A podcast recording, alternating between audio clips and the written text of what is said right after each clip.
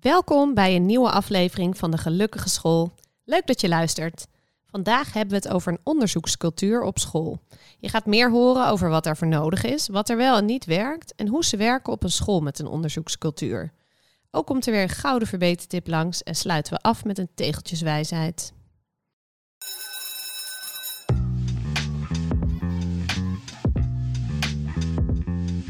Elke dag samen een beetje beter. Met je team, met je leerlingen, met jezelf. Hoe doe je dat? Hoe zorg je ervoor dat je als leraar en leidinggevende steeds beter wordt in je vak? En hoe word je als team samen steeds sterker? En dat alles graag met minder werkdruk in plaats van meer. Daar gaan we het over hebben in deze podcast. Mijn naam is Jelle Verber. Mijn naam is Tessa Brummelkamp. Dit is de podcast van Stichting Leerkracht. De gelukkige school.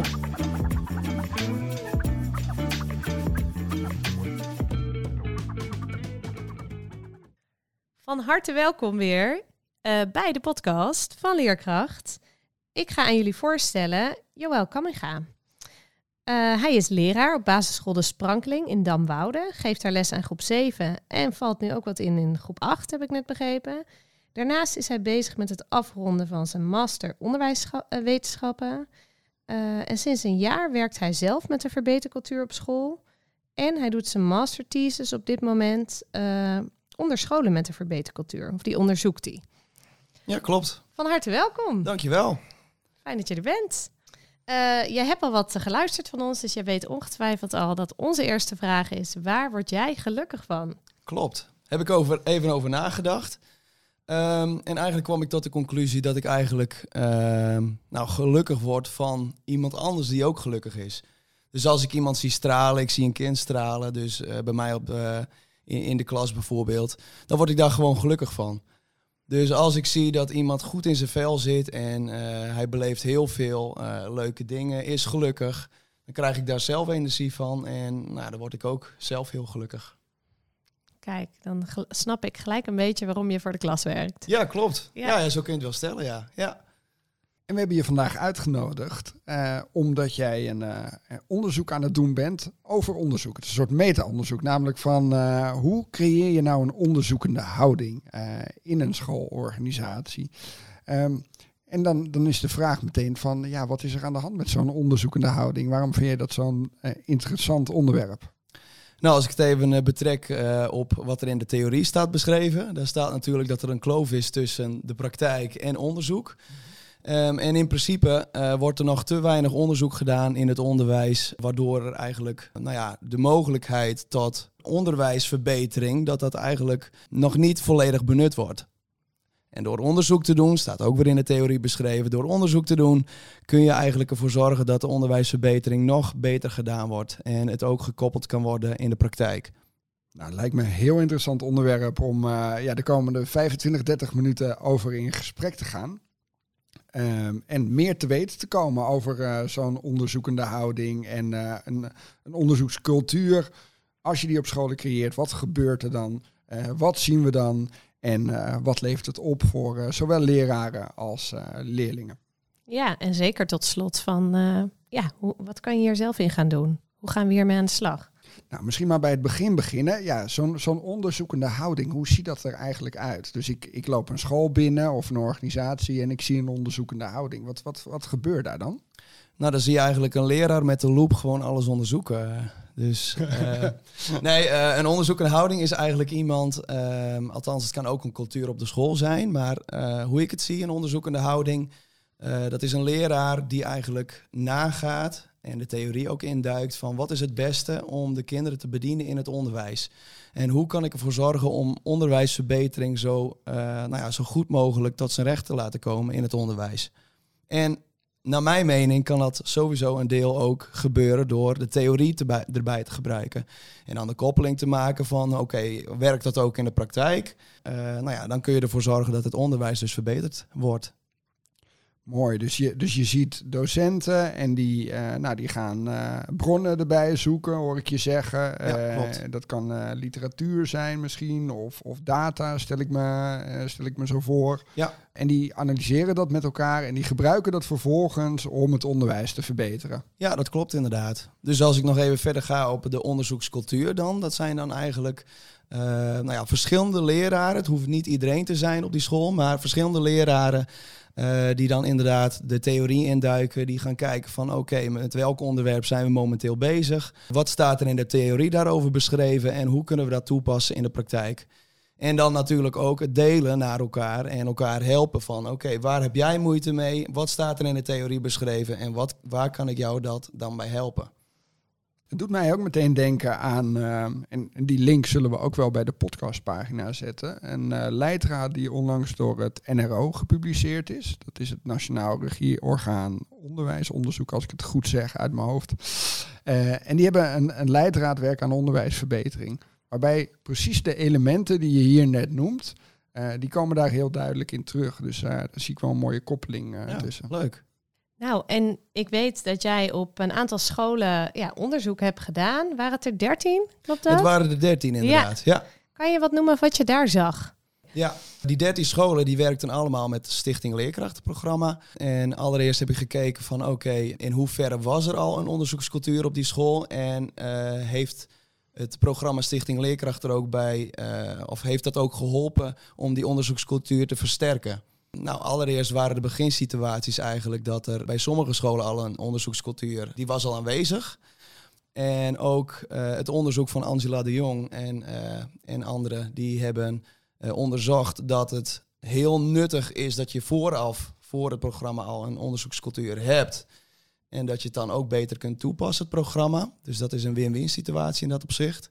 Maar er waren ook een aantal mensen die aangaven van um, de onderzoekscultuur, ja, die is hier niet echt op school, maar door het programma is het wel beter geworden. Dus we zijn uh, de theorie in gaan duiken. We hebben theorie ook aan elkaar naar elkaar overgebracht en we hebben elkaar daarbij geholpen. Want Stichting Leerkracht die zorgt er wel voor dat die onderzoekscultuur zeker versterkt wordt. En welke elementen werkten dan goed voor hun? Of wat, wat doen ze dan, hoe het lukt? Nou, ik denk dat het voornamelijk ook met de bordsessies te maken heeft. Uh, je hebt natuurlijk de verschillende doelen heb je, uh, die je met elkaar formuleert. En daarbij bedenk je dus actiepunten. En daarmee ga je aan de slag. En bij een aantal scholen waren er, zelfs, waren er zelfs sprake van leerteams. Dus bijvoorbeeld rekencoördinatoren, taalcoördinatoren. En die gingen dan eigenlijk, um, als het om hun onderwerp ging, dus taal of spelling of rekenen, gingen ze de theorie induiken en gingen ze dat bij de volgende bordsessie of werksessie nou ja, bespreken, zodat ze eigenlijk ook al een soort van casus hadden met een rugzakje van wat ze hadden geleerd uit de theorie. Mooi, ja, dat, dat, dat is bijna te mooi om te laten liggen. Maar Doe dat, dat, maar. dat doet me denken aan een van de uh, verbeteringen die wij uh, doorvoeren in de methodiek uh, voor de startende scholen, maar ook voor deelnemende scholen. Wij leren heel veel van voorbeelden zoals deze. En wat we gaan doen is eigenlijk scholen vragen om een beperkt aantal verbeterthema's te definiëren. Dus bijvoorbeeld twee tot drie op het moment dat ze starten met leerkracht. En voordat ze met zo'n thema aan de slag gaan, dan ook de startpositie van de school heel duidelijk in kaart te brengen.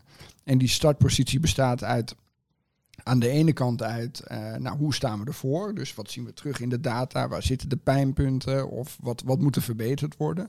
Maar ook, wat, wat weten we al uit uh, onderzoek qua werkzame factoren? Of welke best practices hebben we al op scholen? Dus en ja, dat, dat sluit zo mooi aan. Ik denk, nou ja, goed, dan ga ik deze podcast ook maar even gebruiken om, ja. uh, om dat te vertellen. Want, Zeker. Want jij bent zelf ook, dan gaan we zo direct weer terug naar jouw onderzoek. Je bent zelf uh, leraar op uh, de Sprankeling. Klopt. En, en hoe geven jullie hier vorm aan op jouw school? En wat betekent dat voor jou? Uh, bij ons op school hebben we een hele goede kwaliteitsondersteuner. Die eigenlijk uh, er ook voor zorgt dat zij de theorie induikt. En bij teamvergaderingen uh, ook deze overdraagt naar ons. Dus als wij inderdaad, wat ik net aangaf, als we een bepaald onderwerp hebben, bijvoorbeeld uh, het EDI-model, dan gaat ze daar uh, informatie over opzoeken en dan gaat ze dat met ons delen. Dus dan hebben wij in principe tussen haakjes die werkdruk niet om de theorie allemaal in te gaan.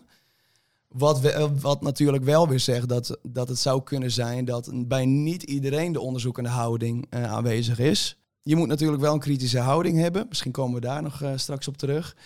Um, maar uh, onze kwaliteitsondersteuner die, die zorgt er wel voor dat die onderzoekscultuur binnen onze school wel blijft en ook leeft. Oké, en, dan, en dan horen jullie dat allemaal van haar, van dat EDI-model. En, en wat gebeurt er dan? Nou, dan gaan we kijken van oké, hoe kunnen we dat toepassen in de praktijk? Um, er zijn natuurlijk verschillende bouwen. In de onderbouw speelt het weer anders dan in de bovenbouw enzovoort. Maar dan gaan we kijken in, nou ja, in onze teams. Wij hebben dus dan ook uh, groep 1, 2 werkt met elkaar, groep 3, 4, 5, 6 enzovoort.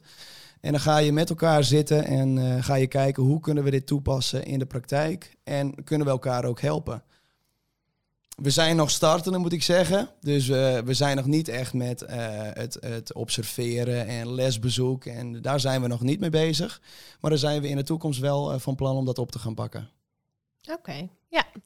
Leuk, leuk ja. om te horen. Ja. ja. echt stukjes onderwijs beter maken, gebaseerd op de, ja, de, de feiten die je eigenlijk net met elkaar geleerd hebt. Ja, klopt. Nou, het sluit wel aan. Ter voorbereiding dacht ik, joh, ik ben op zoveel scholen geweest. Wat zie ik daar nou eigenlijk? En inderdaad, hè, echt stukjes van de les, liefst die je deze week nog gaat geven, beter maken. Of aanvullen met wat uit onderzoek komt. Uh, dat hoor ik vaak terug van de scholen. Dat werkt, dat je iets gaat voorbereiden wat je deze week al gaat doen. Of misschien volgende week, maar later niet. En als het dan ook nog lukt om bij elkaar te kijken en daar feedback op te geven, is dat natuurlijk heel krachtig. En hoe ze ook wel eens vertellen, uh, als die data vanuit de leerling komt, dat, dan krijgen ze zelfs de mensen mee met weerstand hiertegen. Hoor ik wel eens hè, van, oh, wat moeten we nou met data en onderzoek? Dan lijkt het zo ver weg. En de manier daarvoor die scholen nu steeds meer gebruiken, is zo'n datamuur. En eerder deden ze dat dan één keer per jaar. En nu zie ik vaak dat die ook blijft hangen of aangevuld wordt. Ja, en ook weer, hè, niet alle data van alles, maar echt toegespitst op wat vinden wij belangrijk en welke data hebben we daarbij. Ja. Mooi.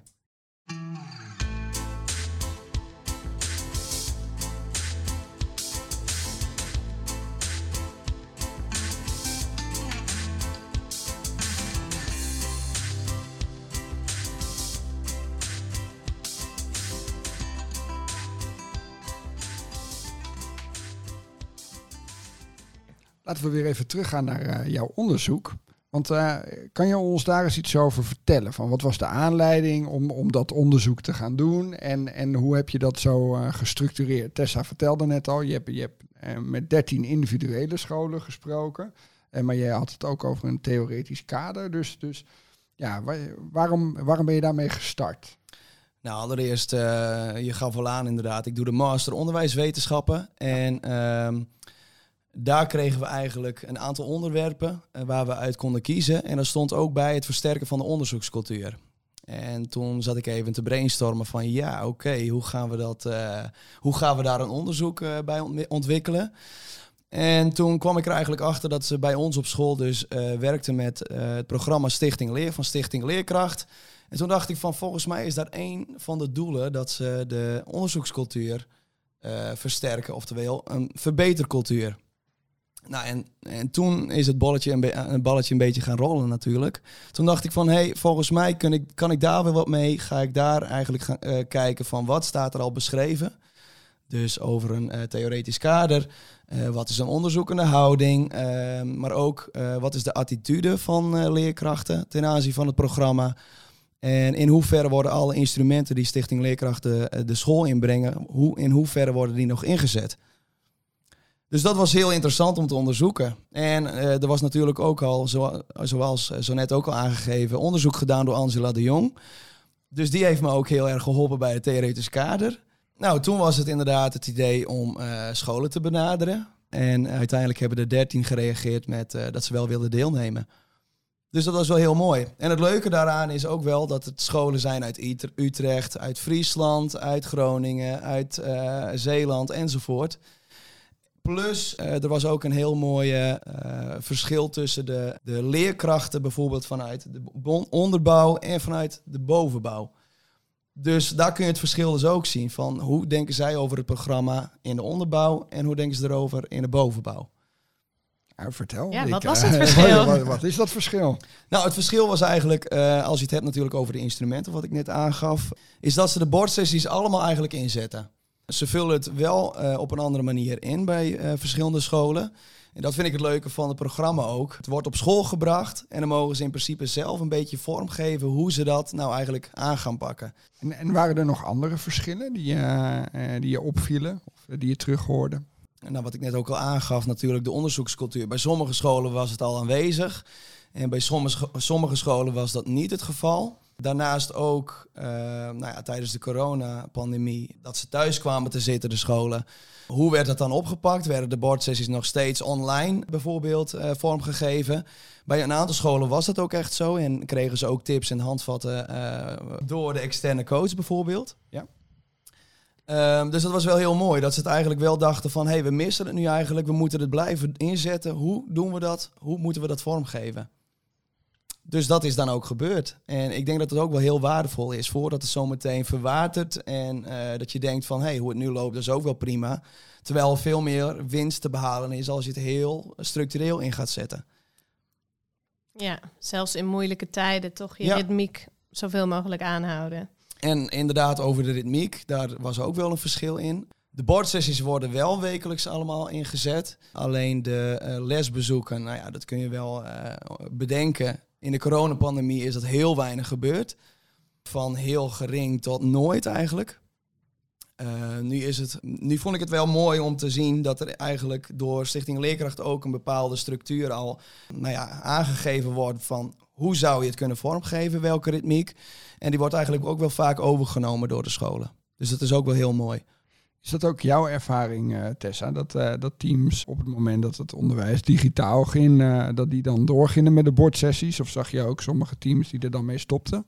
Heel verschillend. Ik denk als het begin helemaal gemaakt was en ze de successen eigenlijk daarvan of de, de vruchten ervan konden plukken, dat ze wisten, hey, dit levert het me op, dus we zetten door. En als ze daar nog net niet waren, hebben sommige scholen het laten vallen. En ook wel uitgesproken dat ze er spijt van hadden. Want in het begin dachten scholen ook, oh, dit gaat kort duren. En toen bleek het wat langer te duren. Maar veel hebben wel eh, online gewerkt. En ook, ik heb ook veel scholen gehoord die zeggen, hey, er zijn een aantal mensen die nooit iets wilden met online en dat het nu moest. En ze ervaren hebben dat je zelfs elkaar kan steunen en echt toch wel ook redelijk contact kan hebben online. Dat ze het toch doorzetten en er weer heel veel aan hebben kunnen hebben. En zelfs ook wel mensen die online bij elkaar op lesbezoek gingen. Die zeiden, Klopt. dit maakt het zoveel makkelijker. Klopt, heb ik ook wel gehoord Ja. inderdaad. Of dat ze stukjes van de les gingen filmen. En Ja. dat ze dan zeiden van oké, die die stuur ik vervolgens eh, naar mijn collega. Ja, En die geeft er dan feedback eh, ja, ja, op. Ja. heel veel kon wel, hè? maar dat was echt een soort, ja, misschien eh paradigma shift. Echt in je hoofd anders over gaan denken. Ja, ja, klopt.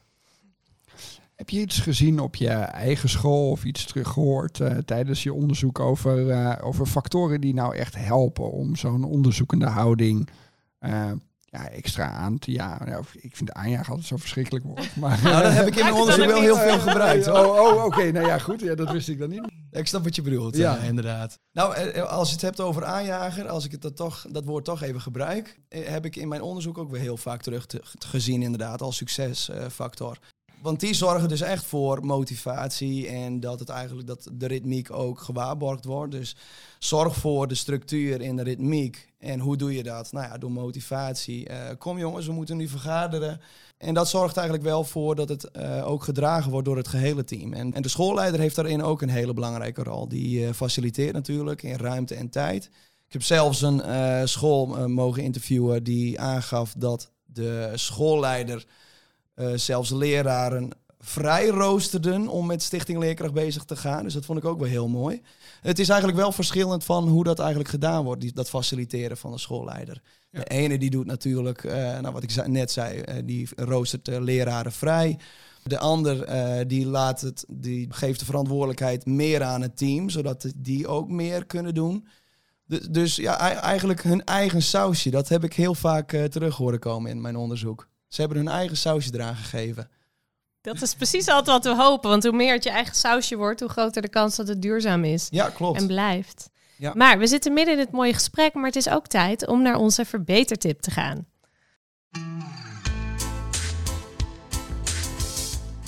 Mijn naam is Karin Landman, directeur van de Anne Frank en Leiden. Mijn verbetertip is: uh, wees zichtbaar in de school. Laat je zien aan je leerkrachten, aan de kinderen, aan de ouders. Zodat je ook weet wat er speelt in je team. Uh, dat je onderdeel bent van het team. Dat je weet hoe het gaat met je kinderen. Alleen dan kan je sturen op goed onderwijs.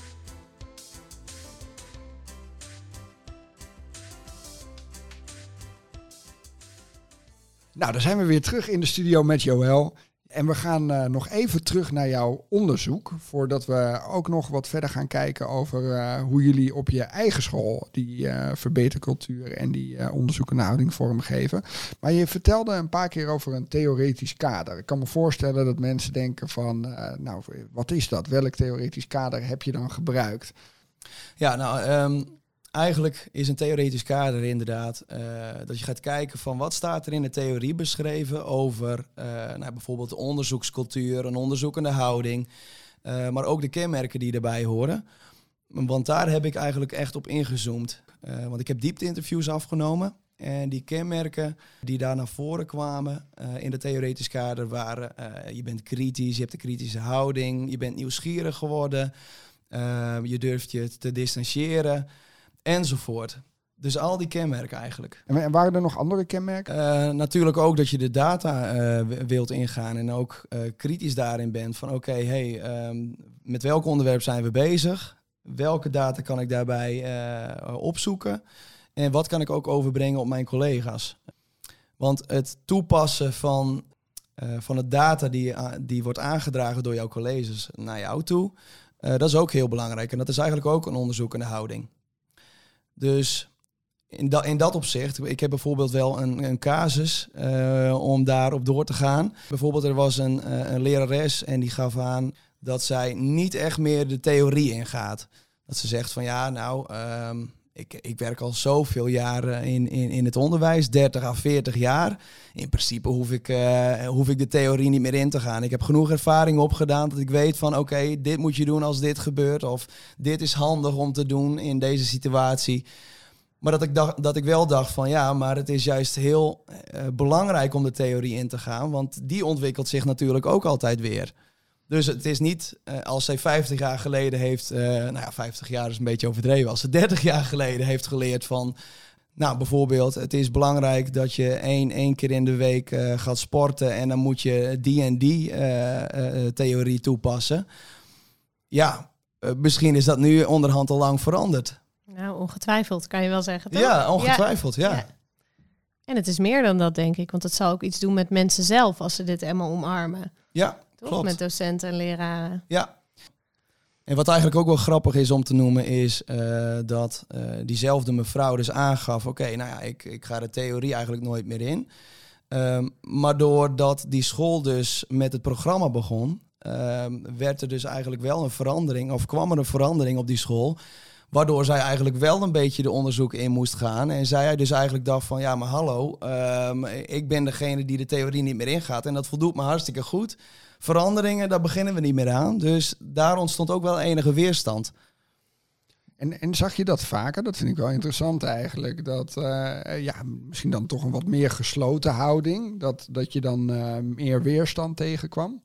Open houding is trouwens ook een kenmerk inderdaad. Dus, ah, okay. ja, ja, dus, dat, in die dus, dus diezelfde leraar die gaf ook aan, ik heb in principe uh, wel een open houding, maar als ik het dan hier naar koppelde, dan zei ze van, ja, eigenlijk dan heb ik geen open houding.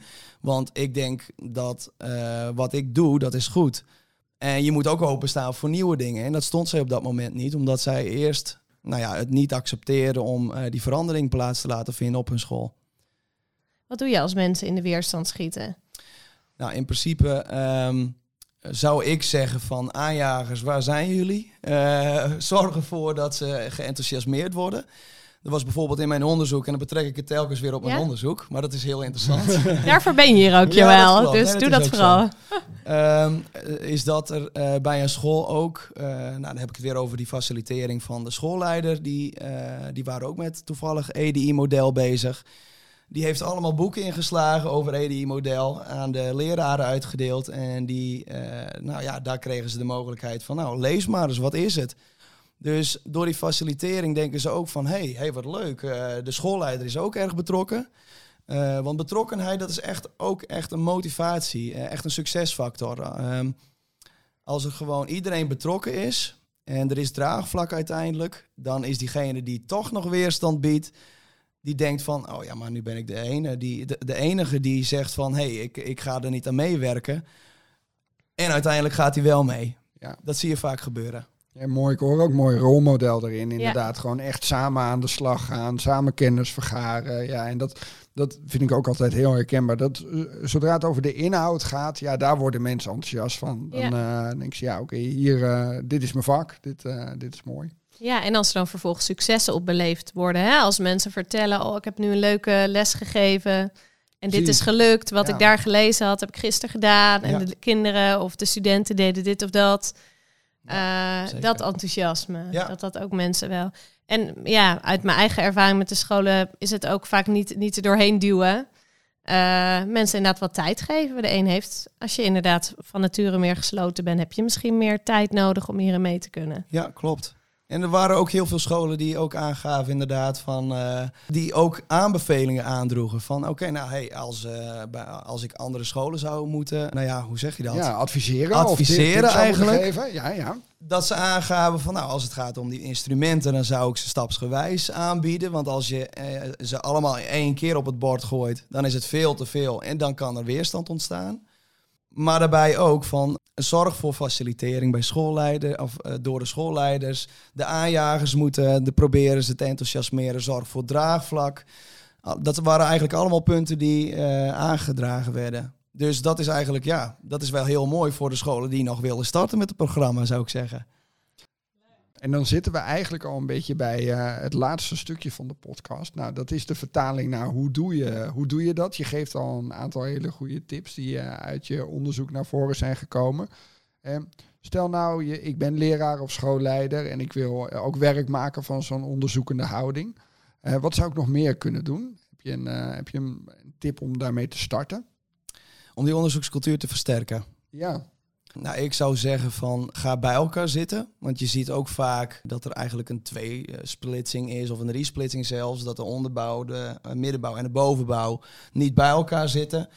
Maar het kan best zijn dat de onderbouw ook ideeën heeft voor de bovenbouw. Dus ehm, ga bij elkaar zitten, deel, deel heel veel dingen en ook ervaringen met elkaar. En door die boardsessies natuurlijk, die succesfactoren, als die gedeeld worden... eh, en er is iemand bij en die denkt van... hé, hey, zo'n succesfactor wil ik ook wat moet, ik daar, wat moet ik daaraan doen om dat ook te ervaren? Dan kun je diegene even eh, aan de mouw trekken en zeggen van... nee, hoe heb jij dat gedaan? Dat wil ik ook. Dus ik denk dat je elkaar nodig hebt op een school. Je hebt echt elkaar nodig om die onderzoekscultuur ook op de school te krijgen. En ervoor openstaan, een open houding. Super, dankjewel. Gaan we naar het tegeltje, want eh, wij sluiten onze podcast af met eh, de tegeltjeswijsheden. We gaan eh, uiteindelijk de hele muur hier in de studio volhangen met, met al die wijsheden van iedereen die bij ons op bezoek komt. Dus de vraag aan jou is, wat staat er op jouw tegeltje? Ja, nou, ik heb even enthousiast daarover nagedacht. Ehm, en ik ben tot de conclusie gekomen dat ik deze op het tegeltje wil. Alles wat je aandacht geeft, groeit. Nou, gaan we naar de afsluiting. De tijd is omgevlogen, Joël. Ja. We hebben veel van je gehoord, zowel van jou op school als nou, de feiten uit, uit jouw onderzoek. We kijken er onwijs naar uit om het eh, straks te mogen lezen en misschien op onze website te mogen zetten. Leuk, super. Voor nu hartelijk dank en eh, heel graag tot de volgende keer. Graag gedaan en eh, tot ziens.